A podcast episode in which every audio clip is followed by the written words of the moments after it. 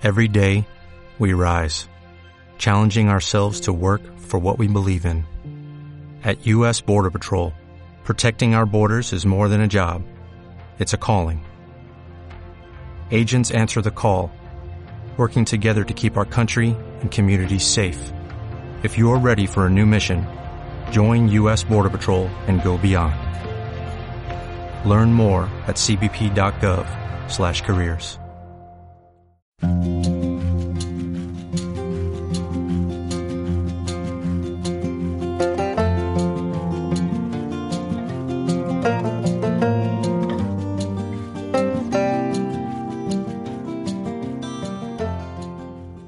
dic Sofia.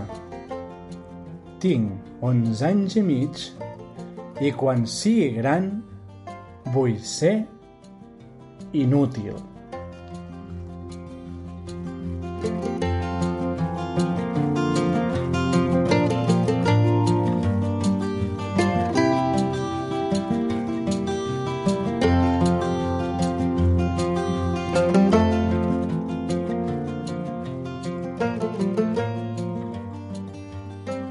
Sigueu benvingudes i benvinguts altra vegada a Tàndem. Comencem aquí un nou programa d'aquest podcast sobre literatura infantil i juvenil i mediació literària. Soc el Guillem, mestre, defensor de les biblioteques escolars i hobbit en potència. I m'acompanya, com sempre, la Marina, editora, lectora empadreïda i motivada de la vida. Ben tornada, Marina, com estàs? Hola, Guillem. Doncs mira, sense fer-ne compte ja ens hem plantat aquí en el darrer programa de la temporada. Sembla mentida. Està... Sí. A veure, també hem de dir que vam començar al març, que no ha estat una temporada... Ha estat una temporada molt peculiar, això sí, però, però no ha estat una temporada molt llarga. Vàrem començar el mes de març amb aquest projecte de, de podcast just uh, res, una setmana o dues abans de que ens confinessin. I ho vam fer molt bé, això. Sí, Realment.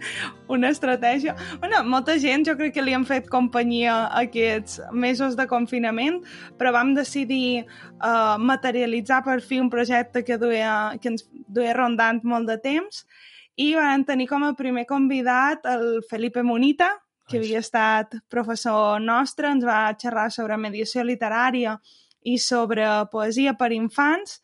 Uh, va ser una sort poder-lo tenir abans de que de que se mudés. Segur que el tornarem a tenir al programa perquè aquest home uh, xerra molt bé i, i en sap molt. I ara que ens hem fet experts en gravar a distància ja no ve d'aquí. Si estiguis on estiguis, es pot Exacte. fer, que estiguis a l'altra punta del món. Digues. Les oportunitats que ens ha brindat el, el confinament. Ens hem hagut d'espavilar i precisament per això, a partir del Felipe Monita, totes les nostres organitzacions se'n varen anar a Norris i vàrem començar a improvisar una miqueta per també tenir en compte la realitat que vivíem. Vam fer un programa sobre formació en literatura infantil i juvenil, també xerrant de les nostres trajectòries formatives. Hem xerrat amb, amb llibreters durant el mes d'abril. La Paula Harrin ens va explicar com estaven vivint el confinament les llibreries independents i sobretot les especialitzades. Vam celebrar aquest Sant Jordi confinat amb moltes llibreries amigues que ens van fer recomanacions de llibres. Des d'aquí xerrat- tornem a demanar, a donar les gràcies no? per aquesta Totalment. ajuda que ens van donar. Ens va. Um, hem xerrat també de lectura en veu alta i de l'art d'explicar històries amb Vivint del Cuento. Um, xerrat amb la il·lustradora Noemí Villamuza, que ens va xerrar una mica sobre l'ofici de, de l'il·lustrador.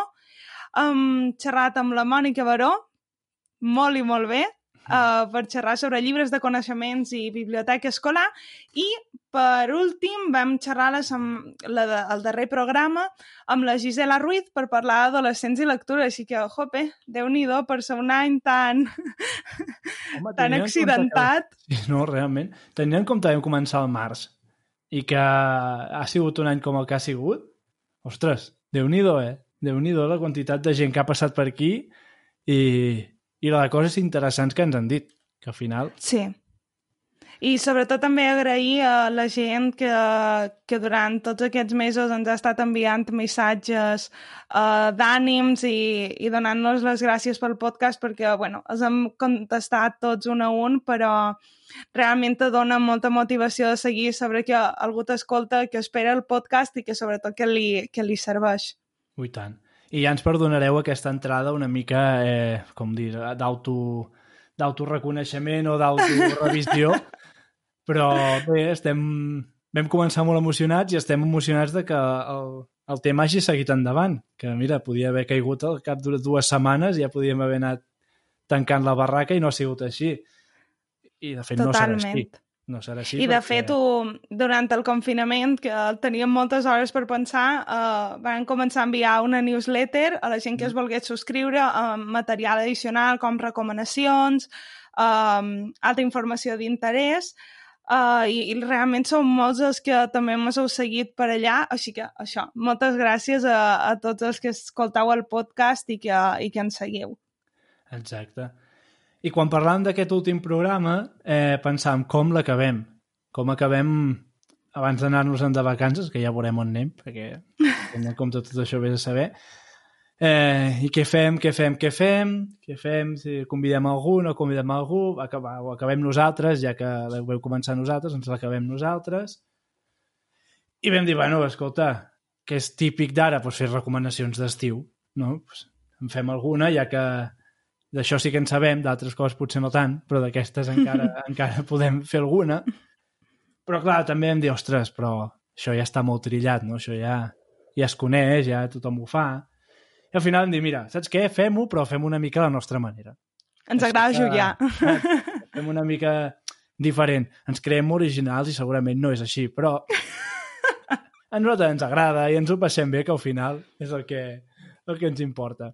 I res, eh, acabarem el programa d'aquest curs, els programes d'aquest curs, fent unes quantes recomanacions. Al final potser hi haurà alguna sorpreseta, alguna notícia, per dir-ho així, i res, i ja ens veurem al setembre. No? I hem de tenir en compte, jo aquí faig un apunt, que igual que les recomanacions de Sant Jordi, cap dels dos sabem quin llibres recomanarà l'altra persona. Exacte. I la, simplement ens han donat unes categories i d'aquí també categories molt obertes, perquè tampoc no sé què ens estàvem referint, així que cada un l'ha interpretat com ha volgut i aquí tenim les nostres recomanacions, no? I tant. Sempre és més divertit fer-ho així. sí. I jo crec que sense esperar més podem tirar endavant no, amb les recomanacions, Marina. Com ho veus? Perfecte. Sí? Som-hi, doncs. Si no m'equivoco, i si m'equivoco em corregeixes, la primera categoria que vam decidir és de recomanar un llibre que es pugui llegir o per ser llegit a la platja. Mm.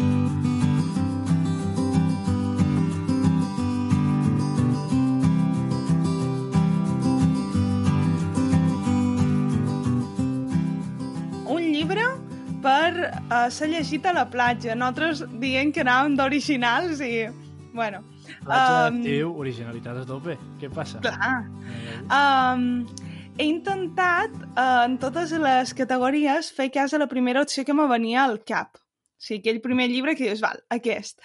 Uh, ja que les categories eren tan lliures i algunes relacions són bastant arbitràries. Però, en aquest cas, eh, he escollit un llibre uh, que és de catàleg adult, Uh, però crec que pot agradar a joves lectors uh, amants de la literatura. Un llibre que jo en el meu cas vaig llegir a l'hivern i que m'ha transportat directament a la platja de juliol de manera automàtica. Així que per això l'he triat, perquè per jo aquest llibre és estiu. És estiu, és platja, és sal a la pell i aquest llibre és el blat tendre de Colet que edita Viena Edicions dins la col·lecció Petits Plaers. Uh Mhm. -huh. Aquesta novel·la ens explica la història de dos adolescents de 15 i 16 anys que són el Filip i la Vinca, que des de ben petits se retroben en una casa que lloguen les seves famílies a la costa de Bretanya. I la història se centra en un moment vital que jo personalment trobo molt atractiu, que és aquell moment que ja no ets un nin i que comences a descobrir el regne dels adults.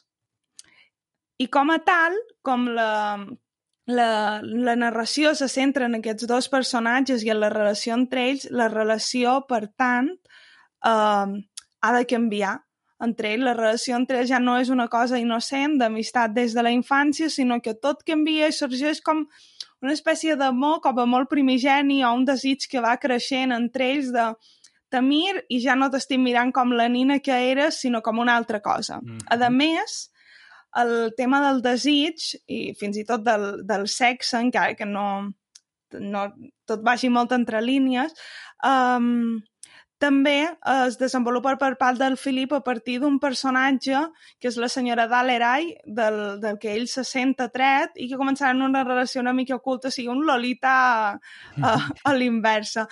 I crec que és un llibre preciós, tant per adults com per, com per joves, i és el llibre que jo m'imagino llegint a la platja. Molt bé, escolta. Jo, si no he sigut gaire original amb aquest tema de la platja, perquè recomanaré un llibre que porta per títol La platja dels inútils. No em preguntis per què m'ha vingut al cap aquest llibre quan pensava en platja. Però m'encanta perquè és un llibre que comença i un moment que poso a carregar l'ordinador, que si no se'm mor, però ja està. Molt bé, segueixo. És un, és un llibre de l'Àlex Nogués i il·lustrat per la B. Enríquez, eh, traduït per l'Anna Listerri i és de Kiara Books, i és del 2019. Eh, I és un llibre que comença amb la premissa tan maca que a l'escola una nena li pregunten «I tu què vols ser de gran?» I contesta directament «Jo de gran vull ser inútil». M'encanta. Fantàstic. És una novel·la, eh, jo diria que per cicle mitjà dels grans, cicle superior, i bàsicament és el diari d'aquesta nena, de Sofia, d'11 anys, per això aquest, no? aquest tipus d'edat, que ens explica el per què ha contestat això de vull ser una inútil. Clar, pensa que la mestra, quan li respon això, s'enfada, la porta a la directora, trucarem mm -hmm. als pares perquè ja està bé, mira que voler-te burlar-te de mi tot, bueno, davant de tothom, en fi, tot això.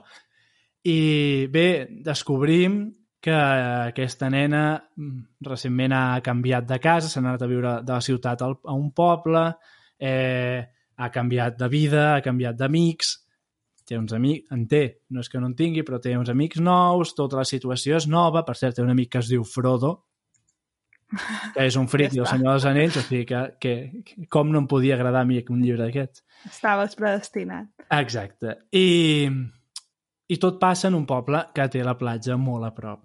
És, un, és una història molt filosòfica en què es parla molt de, de sentiments, d'emocions, de, de com s'interpreta la realitat, no només de la nena, sinó la nena també veu canvis en els seus pares i això també l'afecta d'alguna manera o altra, especialment amb el pare, que no entén eh, el canvi que fa...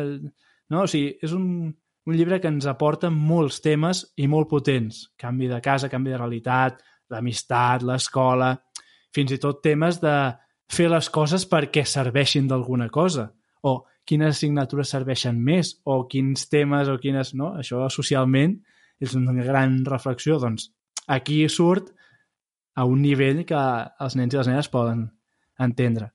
Per no parlar de l'edició, l'edició és preciosa, les il·lustracions són maquíssimes, eh, trobo que està molt ben cuidat tot plegat. O sigui que al final és un llibre profund, però que és fàcil de llegir perquè al final no deixa de ser un diari d'una nena que t'explica el que ell, ell està vivint, no? I trobo que és, que és molt maco. Me'l van regalar fa molt poc, me l'he llegit ara fa res, i, i crec que és una molt, molt bona opció, ja sigui per ser llegit eh, amb un mateix o amb altres, però i més si estàs a la platja, doncs fantàstic, encara més.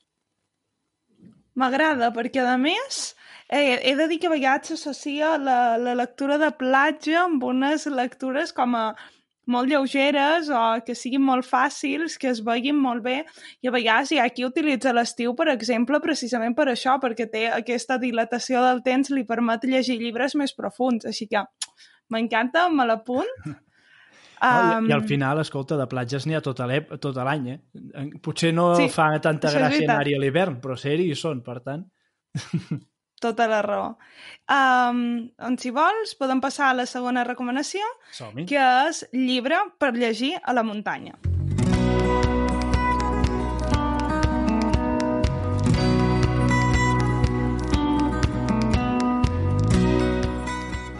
Muntanya, muntanya, som amb la muntanya. A mi amb la muntanya m'ha passat que hi ha diversos llibres, àlbums i així que, que els tenia relacionats amb la muntanya i no sabia per on anar. I al final, eh, bàsicament ha sigut mirar la llibreria i dir, pues, a veure, eh, quin, quin, quin, quin em surt així de- de- d'entrada.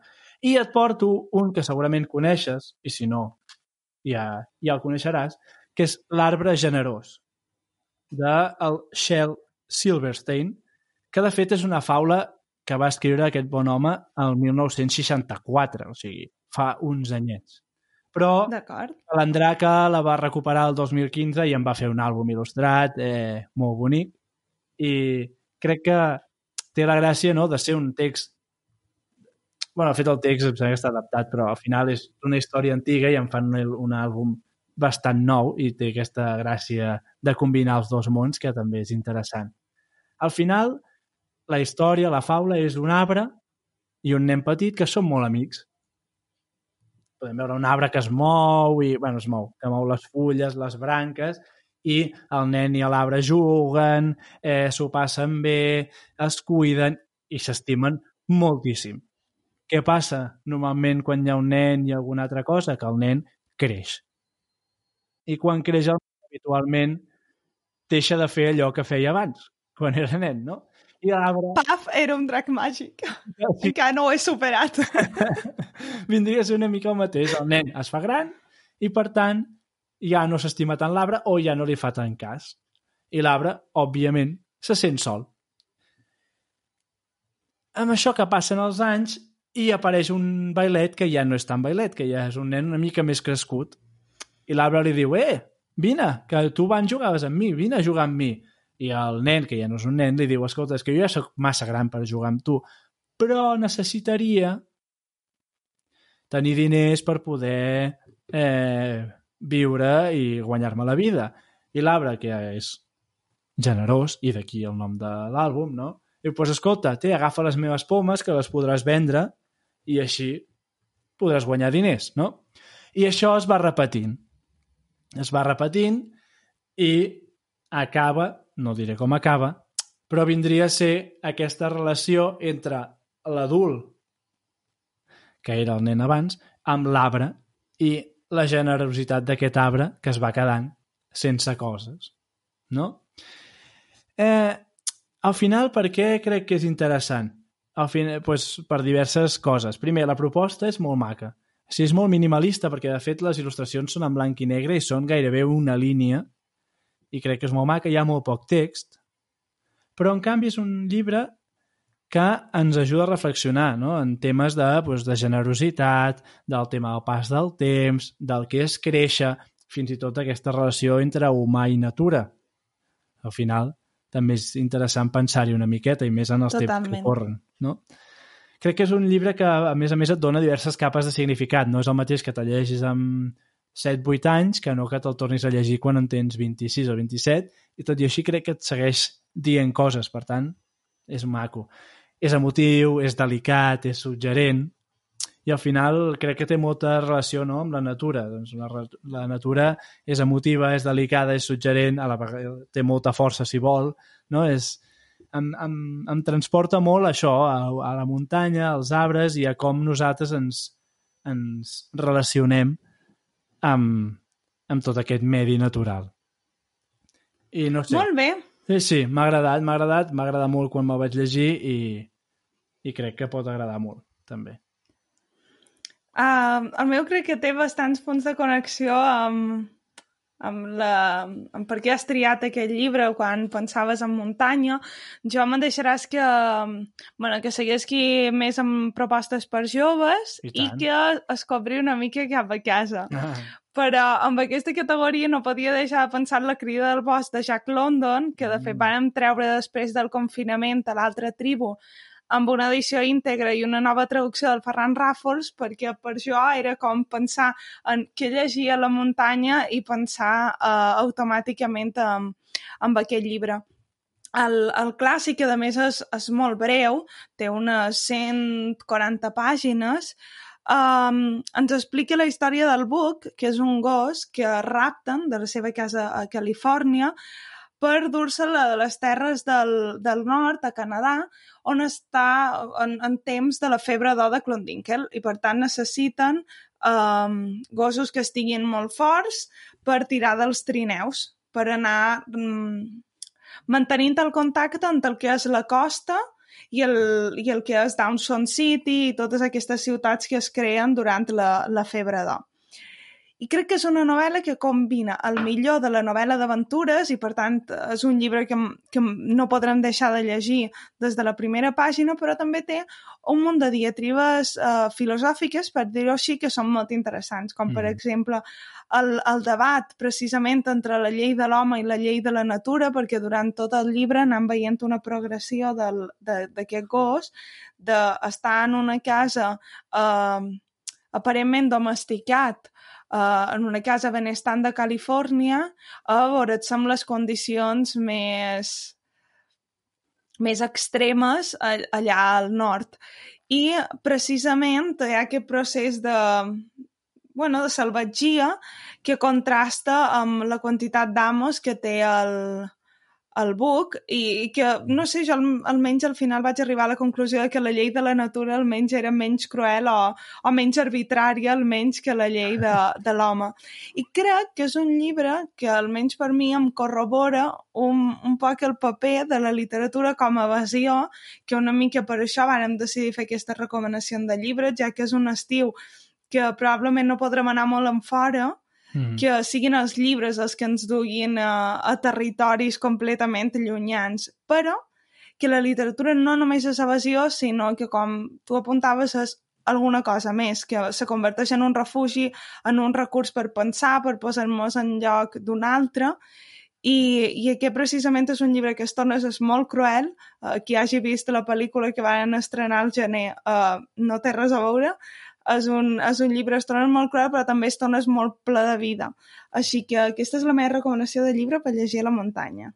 La pel·lícula la recomanem o no? Pel que he entès, no... Bueno, jo crec que ni, ni recomanar ni deixar de recomanar, només que la gent sigui conscient de que és una versió molt Disney, per dir-ho així, que han volgut fer, ho entenc, un, un llibre, un llibre, una pel·lícula per un públic familiar Yeah. I aquest llibre no és per a un públic familiar perquè té, té moments uh, bastant durs i clar, tota aquesta part s'ha eliminat i s'ha deixat com la part, la relació entre el Book i el John Thornton, que és una part del llibre però, però és un terç del llibre pot ser i allà és, és una part que s'explota bastant que el John Thornton és el Harrison Ford mm. i no és perquè sigui dels teus, per dir-ho així però n'he sentit molt bones recomanacions eh, d'aquest llibre que has dit. Jo no me l'he llegit, però les recomanacions que he sentit i les valoracions que se n'han fet, almenys les que m'han arribat a mi, i no per part teva, són bones. O sigui que endavant. Sí, jo crec que el Ferran Ràfol jo crec que va fer una bona feina i que aquí uh, simplement s'ha reafirmat aquest llibre ja està en circulació, no, no era cap novetat ni un llibre que duies molt de temps sense estar disponible, però és una senyal de que els clàssics necessiten respirar amb noves traduccions constantment, mm. perquè si no mm, perdem lectors pel camí. Però seguim amb les recomanacions. Som-hi. Recorda'm què ens toca, perquè la veritat és que no me'n recordo, jo. Ara ens toca llibres per llegir al cotxe. Llibres per llegir al cotxe si no et mareges. Doncs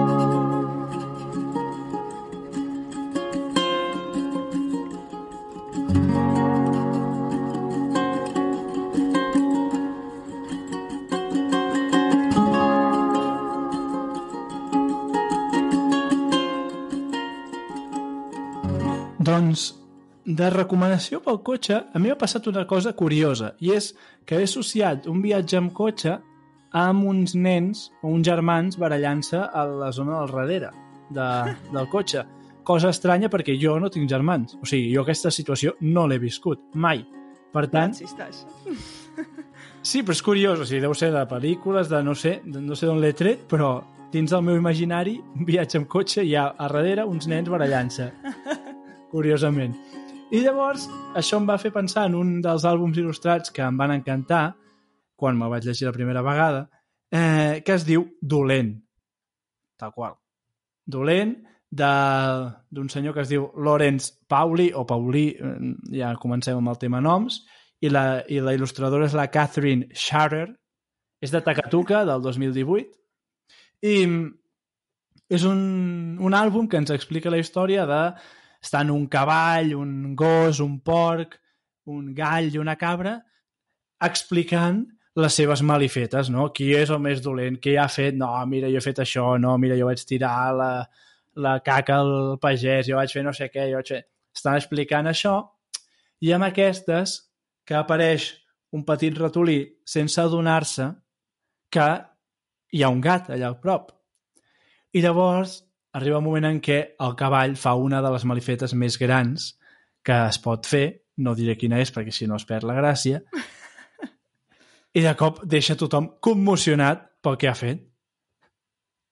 I llavors al final s'acaba el llibre, però tampoc explicaré el final. Però diguéssim que és un d'aquests finals dels que a mi m'agraden, d'aquests que són curiosament interessants i, i que et, fa, et, et, et desperta, et diuen, ostres, et fan, et fan quedar, quedar al·lucinat del com l'autor va pensar no? aquest, aquest final, no sé, sempre em... jo ja saps que amb els finals tinc com una certa obsessió. Totalment.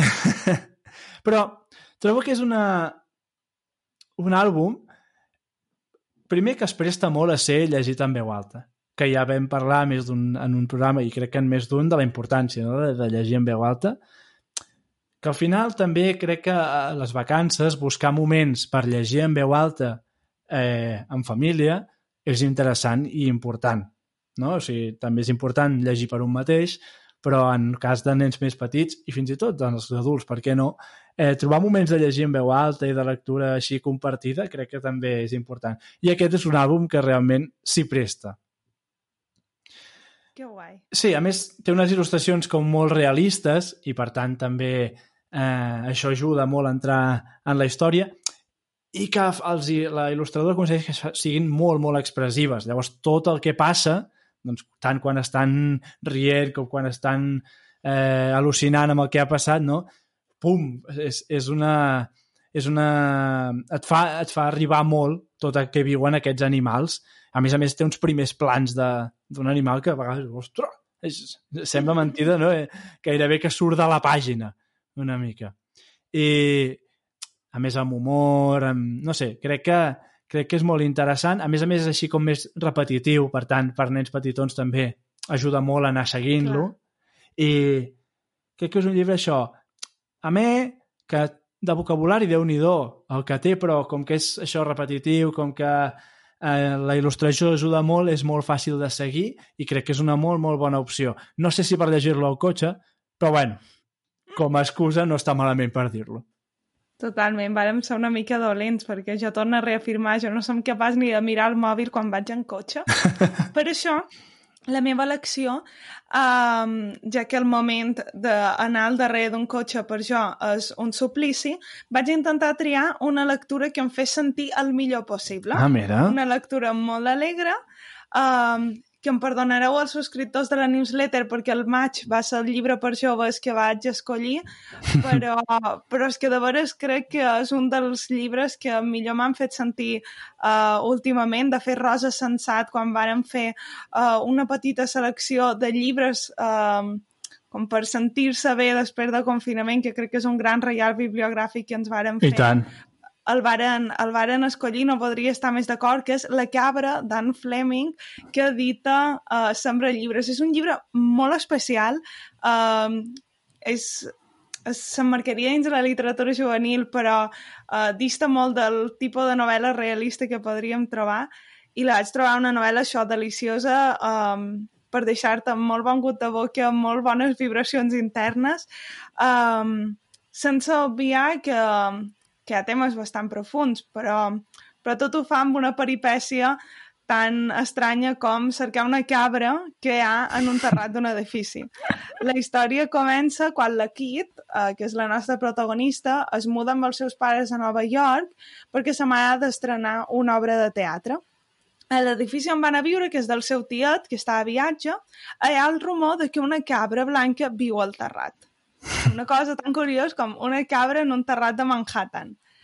Um, la part de l'aventura vendrà d'aquesta investigació que la Kit farà amb un nen que coneix, que és el Will, i aniran picant a totes les portes dels veïns demanant si saben alguna cosa d'aquests rumors que diuen que hi ha la cabra al terrat.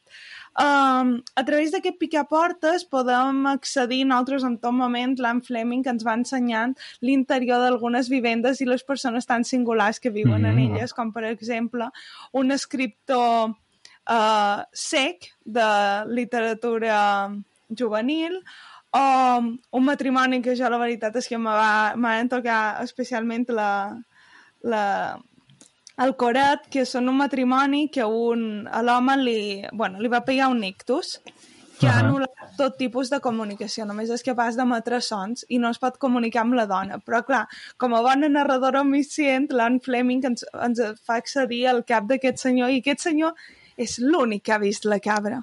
Oh!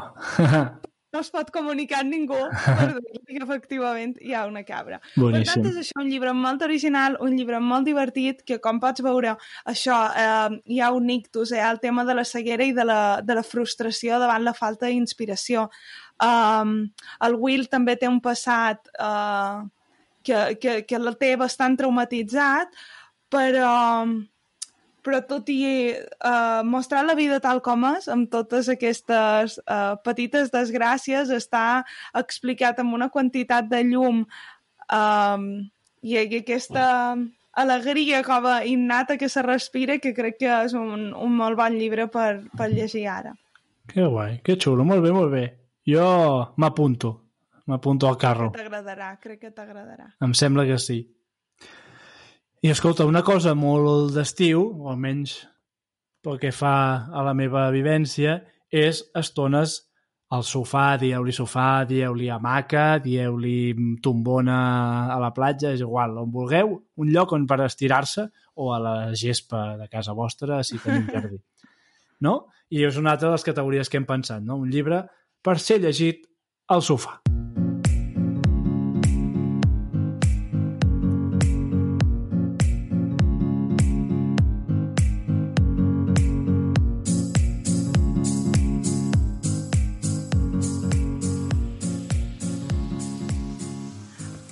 Molt bé. El meu llibre per llegir al sofà um, m'he centrat en, en aquest moment de calma en què tu et poses al sofà i precisament que t'atreveixes a llegir llibres més complexos perquè la literatura infantil i juvenil també té llibres complexos ah que ha un prejudici aquí uh, bastant gran, clar, entre els nostres oients segurament no, perquè juguem a casa i juguem amb gent com ja convençuda. Sí, però, això és veritat.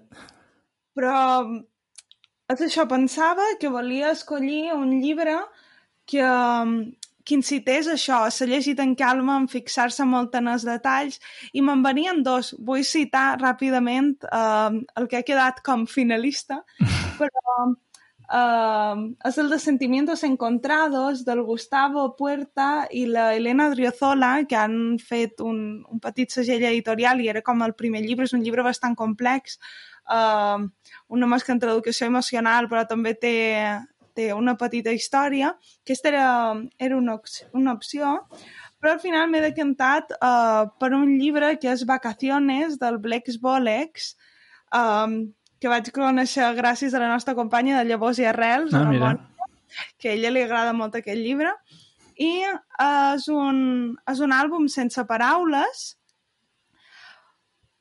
però que t'has de remirar moltes vegades, perquè tot i ser un àlbum sense paraules, la particularitat que té és que agafa una dificultat inherent en, amb el llibre àlbum, eh, on un llibre il·lustrat que és ensenyar uh, el pas del temps, mm -hmm. com va passant el pas del temps i com es fan les diferents seqüències i ell ho utilitza com una manera compositiva d'administrar la imatge. Intentaré uh, explicar-ho. Exacte. Pa pa parla pels que no en tenim ni idea. um, la, el que et diríem l'argument és unes vacances, que també ens acompanyen molt a, a l'estiu, que estan a punt d'acabar i la, la nena que viu, que està amb el seu, amb el seu avi, uh, rep una visita que l'incordia una mica. Uh -huh. Ja com acaba aquesta relació, però tu vas llegint uh, o vas observant, llegint les imatges, ho diguem així, i uh, totes les planes tenen una imatge en gran i després va, el Blex Bolex va um, va afegint-hi imatges més petites a mm -hmm. nivell compositiu. Tindria una forma perquè ens fassem una idea, com semblant a un còmic. Mm -hmm en què tu a través del còmic, a través de les vinyetes, pots fer, per exemple, un zoom-in o un zoom-out, o pots destacar algun element, com si diguéssim quasi un registre cinematogràfic. Um, doncs Blex Bolex utilitza aquesta tècnica per ensenyar-te tant la progressió del pas del temps, per, per contraposar-te a la mateixa pàgina dues situacions, per, uh -huh. per fer que et fixis en un petit detall i crec que precisament és això, és un llibre que demana calma, demana relectura i demana pensar-hi una, una estona d'aquells llibres que cada vegada que llegeixes li, el, el, li treus una miqueta més de suc i per això una lectura de sofà estiuenca és tenir l'oportunitat de d'invertir temps en aquest, tipus de, en aquest tipus de llibres. Fantàstic. Pues jo vaig justament pel contrari. Crec que és el llibre més eh, divertit, més mm, poca solta una mica que, que he portat, que ara bé. com ara. Sí, perquè pensava en el sofà, pensava en la tele i, i dic, mira, i no em preguntis per què, perquè també pensava en el gordo i el flaco, cosa que tampoc no és de la meva època, però esti... he fet associacions estranyes en la meva ment perquè són coses que no... Al final, és un àlbum il·lustrat que es diu Art i Max, que és del David Weisner, suposo que es pronuncia, o una cosa així. Ja podríem triar més autors catalans i s'hauria acabat tot aquest problema. Però bé, no, en fi. Al final, l'Art i el Max són dues són dos llangardaixos, de fet, o bueno, algun zoòleg d'aquests em podria dir que no és un llangardaix i que és un dragó de, de les Maldives, però, en fi, direm Totalment. que són llangardaixos i ja ens quedem tranquils. I al final tenim l'Art, que és un gran pintor, i el Max, que no en té ni idea, però li ve de gust pintar. I a partir d'aquí es desenvolupa en tota una sèrie de circumstàncies en què un patós eh, Max intenta pintar. Pots imaginar que quan l'art li diu va, pinta'm a mi, eh, és que no sé què pintar, diu, doncs, doncs pinta'm a mi. Què deu fer el Max? Lloc de pintar en un full, doncs el pinta directament a ell, no? Aquest tipus de broma que a mi em fa gràcia, a un nen petit també li fa gràcia. però en general, no, doncs, però que són brometes d'aquestes bastant senzilletes, doncs d'això n'està ple. Però crec que és un àlbum il·lustrat molt interessant, primer, perquè gairebé que es pot llegir sense, sense fixar-te en el text, que si t'hi fixes fantàstic, però en general és gairebé... No és sense paraules, però podria ser-ho gairebé. I després perquè a cada situació que es va donant l'autor utilitza una tècnica il·lustrativa diferent. I això crec que és molt interessant a nivell de... amb el que parlàvem amb la Noemi, amb la Noemi no? d'educació de, visual i de com... Doncs, Totalment. En aquest àlbum hi és, tu veus diferents maneres d'il·lustrar els mateixos personatges o les mateixes situacions, no? I a més a més un llibre, un àlbum que juga molt amb el color, amb la manera en com... Bueno, o sigui, que l'art en si hi té molt a veure amb com es va desenvolupant la història i, el, i la narració. És poca solta perquè al final és... Té poca... No, no, no és una gran disquisició sobre una cosa molt profunda, però crec que és molt, molt xulo per passar una estona divertida a casa, llegint Clar i mirant. Que sí. Que bé. Um, doncs ara ens tocaria uh, un llibre per llegir acompanyat, perquè fins ara hem plantejat mm. situacions molt solitàries. Doncs vinga, uh, anem a acompanyar-nos, no? Anem a acompanyar-nos.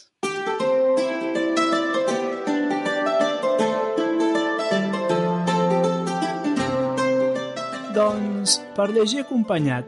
Jo, mirant-me els àlbums que tenia per casa i així, vaig pensar, espera't, no sé si per llegir acompanyat, però a l'estiu sí que hi ha coses que es fan acompanyat, o almenys jo ho faig, que és, per exemple, jugar. I hi ha un llibre que de fet comença amb el Lluís i la Lluïsa jugant un partit de tennis que es diu La pilota groga, que és del Daniel. Fer i el Bernardo Carvalho, que és l'il·lustrador, també de Takatuka, i al final és això, un nen i una nena, Lluís i Lluïsa, que comencen un partit de, de tennis. S'ho estan passant de meravella fins que la pilota entra per dins del plec del llibre. El plec, per qui no ho sàpiga, és la part del mig del llibre on es troben totes les, les pàgines. Doncs per allà entra la pilota. I què fan ells? Home, volen jugar, per tant, van a buscar la pilota. Per tant, també es posen cap a dins del llibre. A partir d'aquí van entrant a mons diferents. Per cert, cada món també té un estil d'il·lustració diferent, cosa que enllaça amb l'altre que havia portat. Però és un llibre curiós perquè no és lineal. O sigui, és una mica el llibre d'aquests llibres jocs que et fan amunt, ara ves a la pàgina 37, ara torna a la 24, ara ves a la 58, no? I crec que aquest joc també és interessant. A més a més, hi ha molts detallets que si vas amb acompanyat doncs és fàcil. Va, mira això, mira allò, mira l'altre, no? És, és un, crec que és un llibre que et fa jugar i que et fa entrar molt, molt bé. A més a més, al final hi ha una pregunta, no dic quina és ni què, per no espatllar, però hi ha una pregunta que et fa tornar a rellegir tot el llibre, tot l'àlbum, cosa que també és molt, molt interessant. I crec que el fet aquest, no?, de que jugui també amb els paratecs dels llibres i que jugui amb, amb la cosa més formal també és interessant i el fet de compartir-ho pot donar-hi eh, més, més ganxo, per dir-ho així, no? Eh, és una proposta diferent, és una proposta que crec que, que pot agradar i res, que, que endavant. Molt bé. Uh, la meva proposta també va una mica en aquesta línia de, de jugar, d'aquest joc compartit, però una mica diferent. Uh, jo he triat quina obra mestra que publica Convel, uh, mm -hmm. l'autor és Ricardo Guasco, um, és un del, dels meus uh, llibres àlbums preferits, però perquè som una friki de la història de l'art i, i és un llibre que, que, que em va sorprendre particularment uh, per això mateix. A més, té una primera part del llibre que tu vas passant l'autor, el, el Guasco ha, ha recreat un munt d'obres d'art posant-los en context eh, fent, fent molt l'ullet. A la gent que li agrada l'art hi trobarà allà moltíssimes referències i a la que no eh, disfrutarà d'unes il·lustracions molt ben fetes, però et va deixant allà petites mostres que a qui li agrada la història de l'art pot reconèixer, ah, mira, això és, és Dalí, ah, mira, això és Van Gogh. I crec que un gran encert, perquè això em consta que ho varen fer, va decidir fer-ho Convel, però no estava en l'edició original italiana, és el, al final et planteja un joc d'intentar trobar aquestes referències. Te dona mm -hmm. com si fos un, una mena de glosari uh, perquè tu vagis identificant totes aquestes obres d'art i, les, i les reconeguis.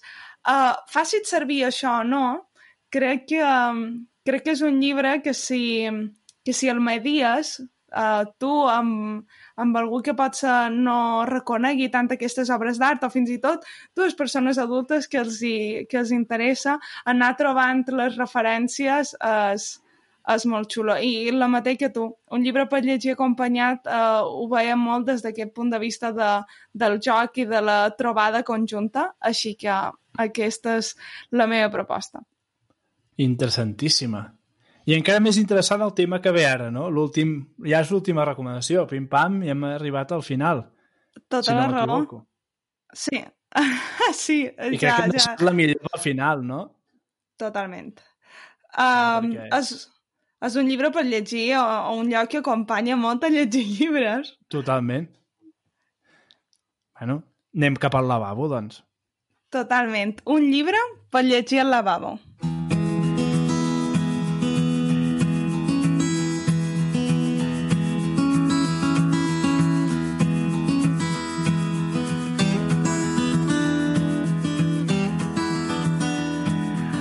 meu llibre per llegir al lavabo um, l'he escollit pel simple motiu uh, que el protagonista, un dels protagonistes, es llegeix el vigilant en el camp de Segol al lavabo. Ah, mira. I per tant he dit, doncs mira, i era una manera de poder recomanar aquest llibre també, que la part bona de que les categories siguin tan obertes és que al final acabes recomanant el que tu vols. Són excuses, bàsicament. Ja Uh, està. totalment. És el peix número 14 um, de la Jennifer L. Holm i que publica uh, Viena Edicions en la seva col·lecció de literatura infantil. Um, aquest llibre uh, presenta la vida de la Ellie Cruz, que té 12 anys, així ja ens podem fer també la idea de, de l'edat de recepció, um, canvia totalment el dia que el seu avi, atenció, el seu avi, el Melvin Sagarsky, que és un famós científic, uh, apareix a casa seva en l'imatge d'un adolescent. Perquè el seu avi ha estat com tota la vida investigant per trobar uh, la fórmula de l'eterna joventut. Per tant, si se li presenta convertit en un adolescent, podem intuir que ho ha aconseguit. Té pinta, sí. Té pinta. Um, però clar, com és un adolescent, tots els seus plans científics es veuen estroncats, uh, entren en joc les grans ambicions entre científics que el té por que, que s'emportin el mèrit del seu descobriment i ell ambiciona guanyar el, el Nobel, òbviament, Ah. i um, s'embarca amb l'Eli Cruz i un altre company de, de classe per intentar uh, accedir al, al, seu, al seu laboratori per agafar una medusa que és la que uh, se suposa que té les propietats de les que se pot extreure aquesta fòrmula de l'eterna joventut. O sigui, Ostres. comença aquí... Ostres, Digues. una medusa, jo no sé si la vull, eh? Com a eterna joventut. Sí, no? Una mica, saps què? Prefiero envejecer. Um, doncs això, i comença aquí una sèrie d'aventures i una relació molt especial entre l'Eli i el Melvin, perquè a més el Melvin és un personatge bastant insuportable, o sigui, el, eh, com a vell enfadós, però en format adolescent. Um, i tenim aquesta relació i aquesta petita novel·la d'aventures, però que més enllà d'això um, i de ser profundament divertida, um, ens planteja un tema com és el de l'ètica científica Mm. que qualsevol, jo crec que és una molt bona proposta, uh, aquí estem presentant llibres per mediadors, però és una molt bona proposta per, per nens que els agradi molt tot el món científic, perquè la nena a través del seu avi se comença uh, a interessar molt pel món científic i uh, fa un treball sobre l'inventor de la bomba atòmica Mhm. i uh, ell el posa com a exemple de com la ciència pot ajudar a la societat, perquè ella diu, clar, gràcies a aquest senyor que va inventar la bomba atòmica, la guerra, la Segona Guerra Mundial se va acabar. Clar, tu com a lector adult, quan llegeixes això, és com, oh, Déu meu, uh, aquesta nena sap el que va passar amb la bomba atòmica? Clar, efectivament no ho sap.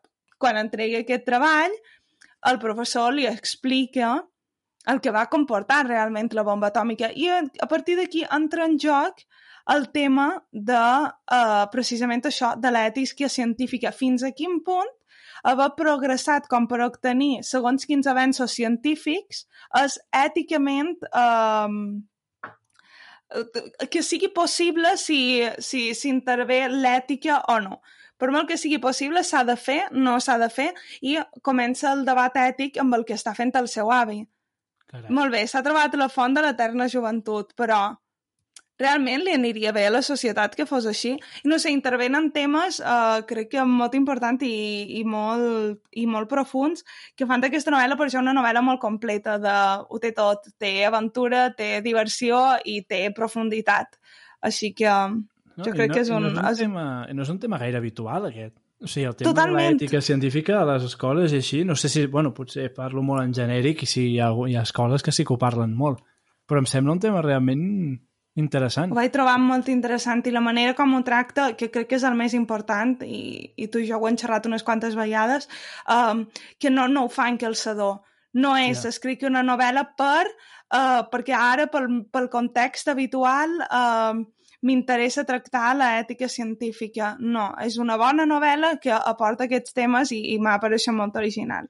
Que jo crec que aquí fer un apunt és interessant. Quan nosaltres parlem de que eh, en el llibre o a l'àlbum si veieu aquest tema o aquest altre, eh, crec que és important remarcar el que deies, Marina, que per nosaltres l'important és que el llibre funcioni, que el llibre tal, i a més a més diem quin temes surten però que és importantíssim dir que no són llibres per treballar això o llibres Totalment. per no sé què, sinó són llibres boníssims o que ens semblen bons i que a més a més apareixen aquests temes que si serveixen per reflexionar, fantàstic. Però crec que és important apuntar això perquè quedi clar.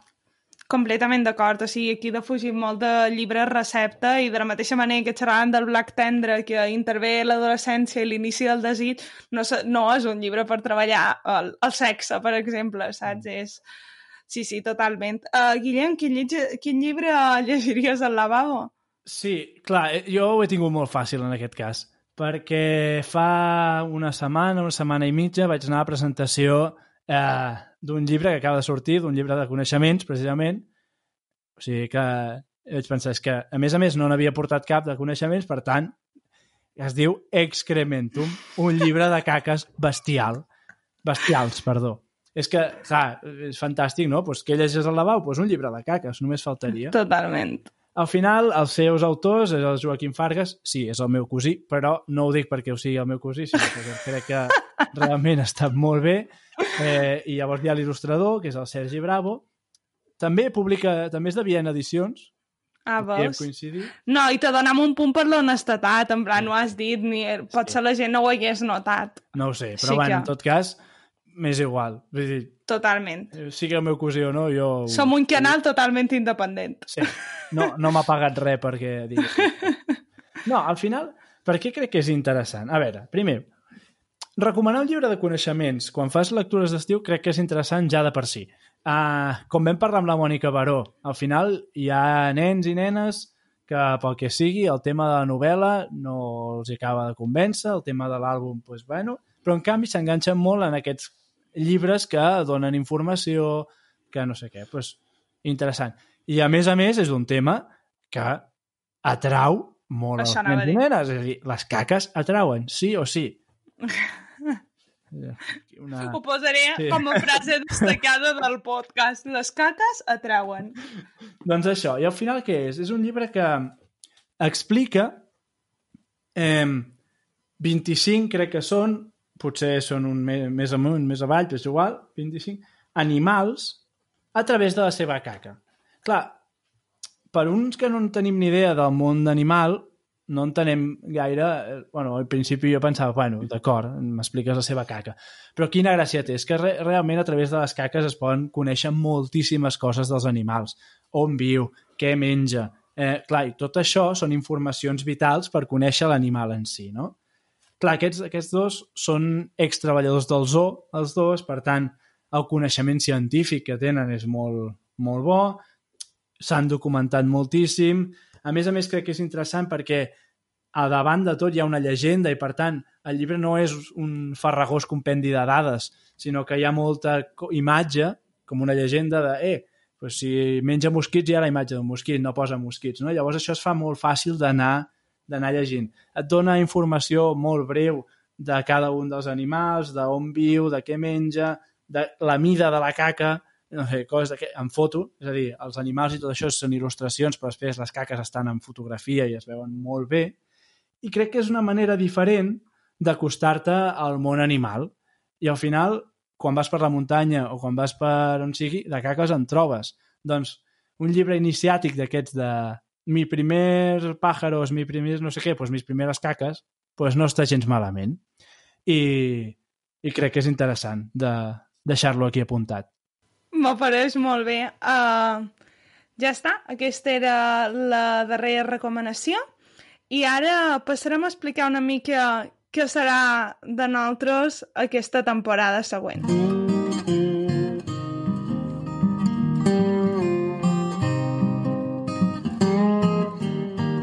Doncs sí, perquè precisament eh, això no s'acaba aquí, per sort. Eh, tenim la, la intenció de seguir l'any que ve. Eh, si tot va bé, ja tenim planificat del, del setembre al juliol, imagineu-vos, eh, anem molt forts aquest, el curs que ve. No ens ho creiem ni nosaltres, eh? Però... Bé, tot això suposant que no hi hagi una altra pandèmia pel mig i que no puguem... Bé, vés a saber. Però bé, en tot cas, la nostra idea és seguir fent molts programes amb, això, quinzenalment, eh, amb diversos convidats i convidades que ens vindran a parlar de mil i un temes dels que se'ns van acudint, acudint i hi haurà algun programa que també farem la Marina i jo sols, poquets, perquè preferim que escolteu altra gent que en saben molt més i nosaltres també així gaudim aprenent, però... Totalment. La idea és aquesta, és seguir amb la manera que hem anat fent fins ara, seguim aquestes entrevistes i la durada, si fa no fa la mateixa. Hi haurà alguna novetat, alguna coseta que posarem pel mig, que ja al setembre la sabreu. I, i res, que qualsevol cosa que ens vulgueu dir, nosaltres encantats de, de rebre feedback, ja sigui a través del correu, de la newsletter, ja sigui a través dels nostres perfils, el que vulgueu, doncs benvingut serà. Seguirem fent aquest espai amb molta, molta il·lusió eh, per donar a conèixer aquest món de la literatura infantil i juvenil i de la mediació que ens fascina. I, i res, i res, no sé ja què vols està. dir. Exacte, digues No, tu. no. Uh, que bon estiu i uh, ens tornem a, a reunir al setembre amb piles carregades, esperem. I, I ja està, gràcies per, per escoltar-nos. Exacte, moltíssimes gràcies per ser-hi i ens retrobem al setembre. Bon estiu! Una abraçada.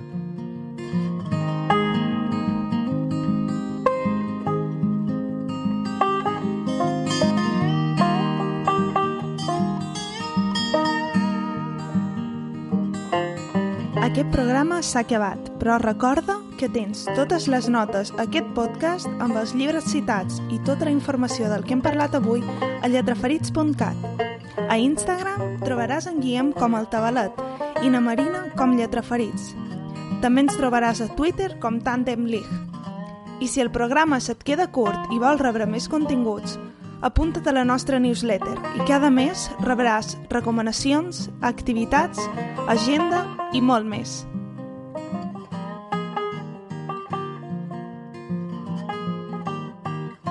Sigueu benvingudes i benvinguts altra vegada a Tàndem. Comencem aquí un nou programa d'aquest podcast sobre literatura infantil juvenil i mediació literària. Soc el Guillem, mestre, defensor de les biblioteques escolars i hobbit en potència. I m'acampanya, m'acampanya, Eh, no passa res, fem com a la teva amiga. Seguim gravant i ja i torno, eh? Molt bé. Estic mig adormit encara. Vinga.